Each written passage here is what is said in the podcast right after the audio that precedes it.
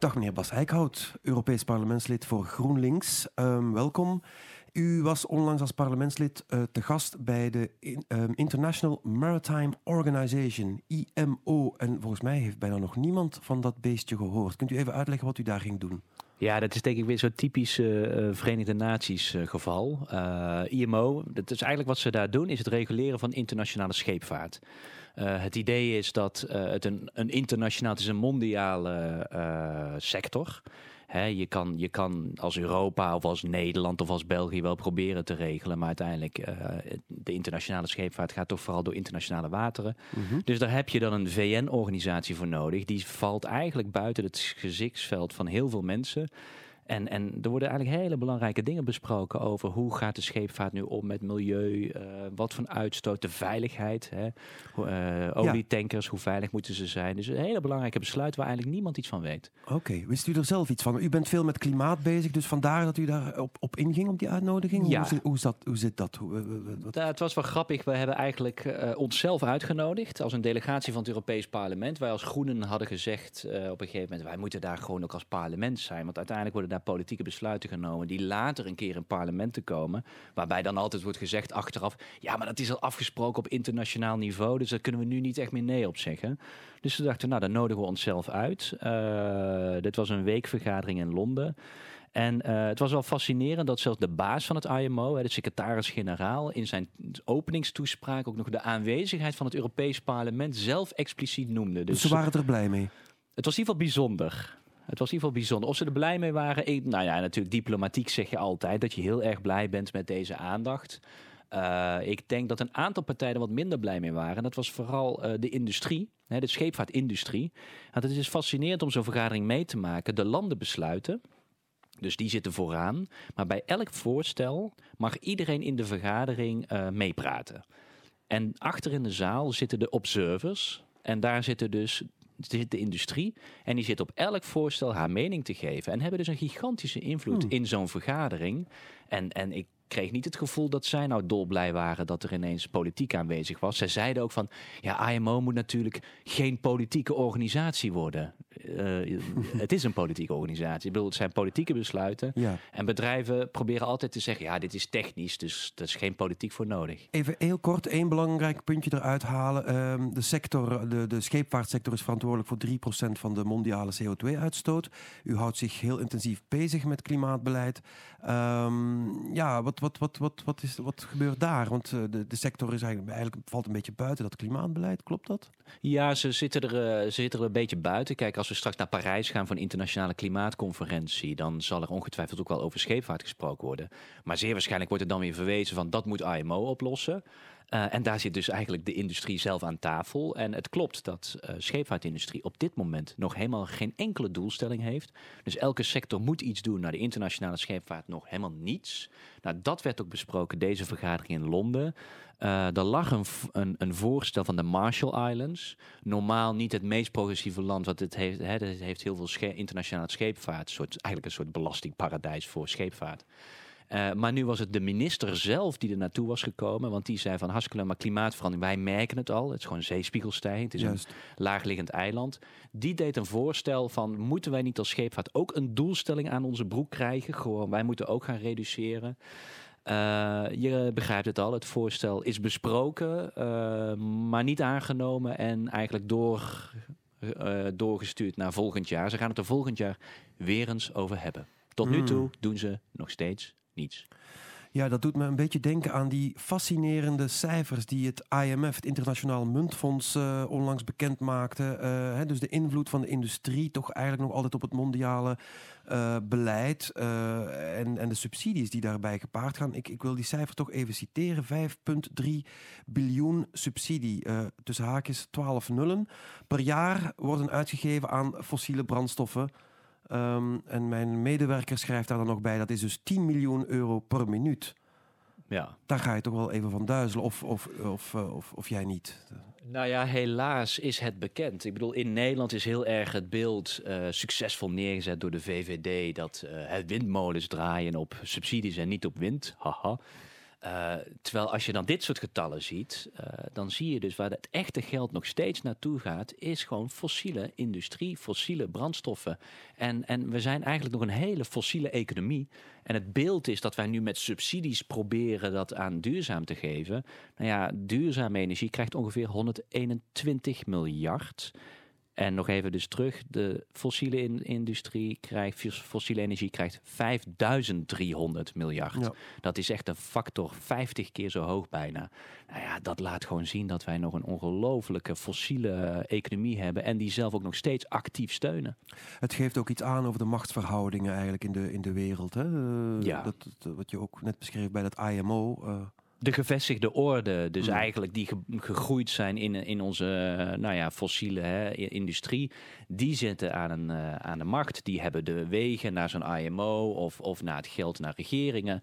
En zodra je dat iets wat veel veranderen, je wil eigenlijk een weg daarvan, een transitie zoals dat dan heet, mhm. ja, dan roept dat heel veel verzet op en wordt er heel erg krachtig een beeld gecreëerd, alsof er dan heel veel subsidies gaan naar duurzaam.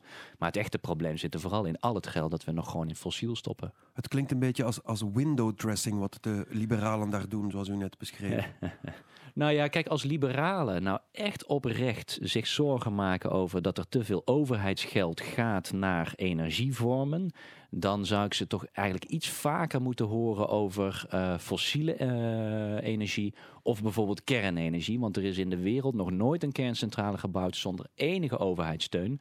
En daar hoor je de liberalen eigenlijk zelden over. Je hoort ze altijd klagen over duurzame energie. Ja, dan kan ik alleen maar concluderen dat hun zorgen om subsidies niet oprecht zijn. Dat ze gewoon eigenlijk uh, bij deze oude economie willen blijven. Ja, over oude economie gesproken. Uh, eind van het jaar, die grote belangrijke COP, uh, Conference of the Parties van de VN over klimaat in Parijs. Zeer belangrijk moment, hè? dat hoef ik jou niet te vertellen. Um, nu is eigenlijk de fase, als ik het goed heb begrepen, dat landen hun persoonlijke doelstellingen moeten gaan uh, bekendmaken. Die druppelen nu langzaam binnen, klopt dat? En hoe ziet het eruit? Ja, het is vooral druppelen nog inderdaad. Uh, ja, het idee was echt om te leren van Kopenhagen, is dat we nu niet meer alle, alles op het laatst moeten besluiten. De mislukt, mislukte VN-top, hè? Ja, de mislukte mm -hmm. VN-top in uh, eh, 2009. Toen moest alles in Kopenhagen gebeuren. Nou, dat mislukte. Dus nu willen ze iets eerder, willen ze iets eerder al zorgen dat, dat de, de beloftes van de verschillende landen gemaakt worden. Nou, dat heet in prachtige termen het, de Intended National Determined uh, Contributions, INDC. Ook mhm. hier uh, blinken we weer uit in een term waar iedereen het over heeft in klimaatwereld, terwijl daarbuiten geen hond begrijpt waar het over gaat. Nationale doelstellingen. Eigenlijk gewoon, ja, maar het zijn dus Intended National Determined Contributions. Dus dit is eigenlijk wat een land zegt van, nou weet je, VN ik denk wel dat ik zoiets kan bijdragen. En dat wordt wel onderdeel van de onderhandelingen in Parijs. Dus er staat nog eigenlijk bij dat, dat het kan veranderen in Parijs. Nou, wie hebben het tot nu toe ingeleverd? Uh, nou, fascinerend genoeg, de Verenigde Staten was uh, redelijk snel. China was ook redelijk snel. Europa heeft het netjes gedaan. Rusland verraste een menigeen door met een, uh, met een eigen plan te komen. Mm -hmm. um, waar zit het probleem? Nou, wat is nu binnengedruppeld? Canada onlangs. Um, en? Hoe ziet dat eruit? Slappe hap. Uh, je kan zeggen van we verheugen ons op september, want dan zijn er verkiezingen in uh, Canada. Juist. Dus de huidige premier Harper, die uh, staat wel bekend om zijn nogal ook weer fossiele lobbykant. En liberale huizen ook? ja, meer conservatief-liberaal is het een beetje in die Canadese landschap. zeer bekend om het promoten van teerzanden, dus dat zegt ook wel wat. Maar het ziet er goed uit voor ons. Dat wil zeggen, hij gaat waarschijnlijk niet herkozen worden. Dus in Canada kan er in september wel wat uh, gebeuren. En dat is ook hard nodig, want Canada, nou, zoals we allemaal weten, die heeft zich uit het Kyoto-protocol teruggetrokken. Uh, eigenlijk de beloftes die ze voor 2012 hadden, die gaan ze waarschijnlijk niet eens in 2020 halen. En de beloftes die ze nu in hun INDC, in hun klimaatbelofte hebben gezet, ja, dat, dat, dat is min 30% ten opzichte van 2005. Dus ze hebben ook weer het jaartal zo gekozen dat het mooi klinkt, maar eigenlijk gewoon helemaal niets voorstelt. Je, je noemde het net al, hè, teerzandolie. Uh, dat, dat is een booming business voor Canada. Uh, dat heeft er, neem ik aan, alles mee te maken. Ja, dat was eigenlijk ook wel de reden waarom uh, Canada uit Kyoto is gestapt. Omdat zij inzagen dat zij de doelstelling niet gingen halen. En dat kwam merendeel door eigenlijk de ontwikkeling van fossiele brandstoffen in de staat, de provincies in Canada, Alberta. -hmm. En dat is eigenlijk een beetje het Texas van Canada. En uh, zeer belangrijk ook voor die politieke partij van Harper. En dat zorgt er absoluut voor dat ze op dit moment eigenlijk heel slecht presteren op de klimaatbeleid. En dan is er een ander land die uh, zijn uh, doelstelling heeft, uh, of zijn voor, goede voornemens heeft bekendgemaakt, Gabon. Ja. En, waarom is dat belangrijk? Nou, dat is interessant omdat Gabon eigenlijk het eerste kleinere ontwikkelingsland is, het Afrikaans land. En die laten eigenlijk zien dat zij heel ambitieus zijn. We, we, kijken altijd, we hebben als Europeaan altijd het gevoel dat wij het centrum van de wereld zijn. En dat wij het goed doen ten opzichte van Verenigde Staten en Canada. Nou, dat klopt misschien ten opzichte van die landen. Maar het klimaatdebat is ondertussen echt vele malen groter in nou ja, laagliggende eilanden. Zoals we het net al zeiden bij Marshall Islands. Maar ook hier zie je een Afrikaans land die echt last heeft van klimaatverandering. Met name door droogtes en rondom landbouw. Uh, die hebben dus ook hun INDC ingeleverd. En zij hebben gezegd, we gaan gewoon de komende tien jaar gaan wij stabiel blijven op ons CO2-niveau. Terwijl dit echt nog een, een ontwikkelingsland is. Dat gaat dus een gigantische ontwikkeling door moeten maken. En zij beloven nu al dat dat geen effect zal hebben op hun CO2-uitstoot. Ja, dat laat zien dat eigenlijk de ambitie op dit moment veel vaker ten zuiden van de uh, van de Evenaar te vinden is dan ten noorden. Hmm. Terwijl het eigenlijk zij niet de veroorzakers zijn van het klimaatprobleem. Hè? Dus dat... Nee, nou, dat gaat ook een van de grote discussiepunten natuurlijk worden voor uh, Parijs. Is dat uh, die landen heel erg zeggen van ja, wij willen ook heus wel wat doen. En Gabon heeft het dus ook al letterlijk neergelegd wat ze willen. Maar we hebben uiteindelijk hulp nodig. We hebben hulp nodig om deze transitie ook bij ons te maken. Of ook ons aan te passen aan klimaatveranderingseffecten die we nu al zien. Uh, nogmaals, vooral bij landbouw uh, zie je dat heel erg. Mm -hmm. Nou ja, daarvoor hebben de rijke landen beloofd met een klimaatfonds te komen, financiën. Uh, daar zou 100 miljard dollar per jaar, zeg maar, zo'n rolerend fonds vanaf 2020, 100, dollar, 100 miljard dollar per jaar. Ja, tot nu toe is het volstrekt onduidelijk waar het geld vandaan moet komen. En uh, daar zal echt in Parijs de grote discussie over gaan. Kunnen, kunnen zijn ontwikkelde landen eigenlijk serieus? Ja. En is Europa bijvoorbeeld serieus? Die zeggen dat we het heel belangrijk vinden.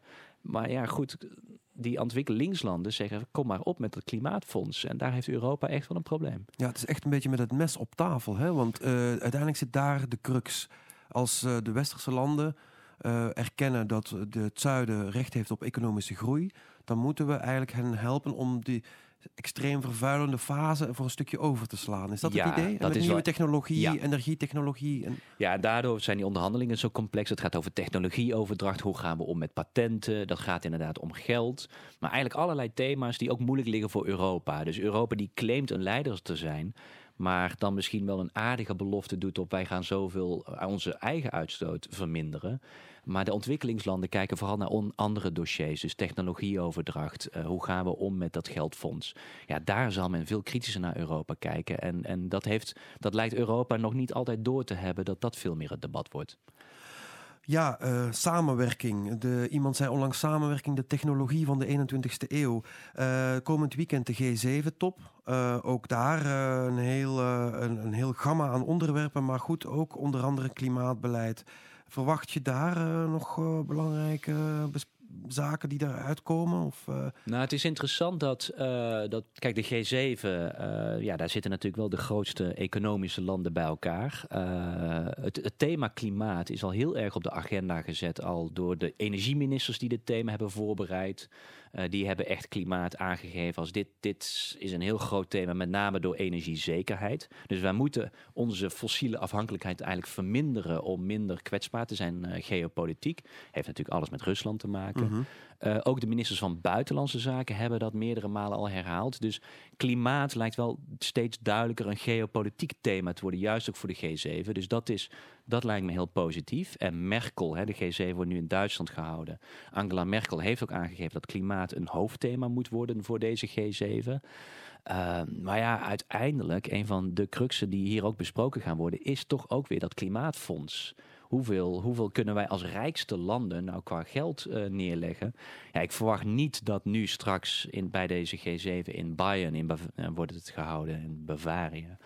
Um, dat ze daar nu al meteen met een soort geldbedrag zullen komen. Maar het zijn wel op dit soort momenten, als de rijke landen bij elkaar zitten, dat je dit, thema, dit soort thema's goed kan uh, bespreken. En hopelijk leidt dat tot ja, beloftes in het najaar, zodat we naar Parijs toe ja, een positievere stemming kunnen krijgen. Want als dat niet gaat lukken en als zo'n G7 eigenlijk gewoon weer een uh, ja, nogal obligate, niet zeggende statements worden, ja, dan wordt, dan wordt alles weer doorgeschoven naar Parijs. En dan, dan wordt het een, wordt het een heel kort najaar of, of Parijs wel iets gaat opleveren. Ja, dan wordt het wel een hele hoge drukketel. Ja. Maar ik, ik hoorde dat de ministers van Financiën, zelfs de presidenten van de centrale banken aanwezig zouden zijn. Dat zou erop kunnen wijzen dat men die financiële belofte voor dat klimaatfonds wel heel erg serieus neemt. Ja, en het is ook, er is ook nog weer een grote VN-top in Ethiopië in juli, Addis Ababa.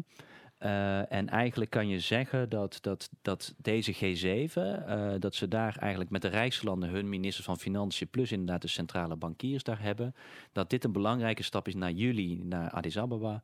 En dat zou hopelijk dan de weg moeten plaveien voor succes in uh, het najaar. Maar ja, het moet nog wel geleverd worden. Misschien moet men nog even een reisje richting Ethiopische woestijn organiseren tijdens de top daar. Ja, kijk, als, je hebt daar veel hoogvlaktes, maar als ze nou juist eens even naar de laagvlaktes gaan, dan zien ze al het effect van klimaatverandering, de toenemende droogte daar, ja. Dank u wel voor dit gesprek. Graag gedaan.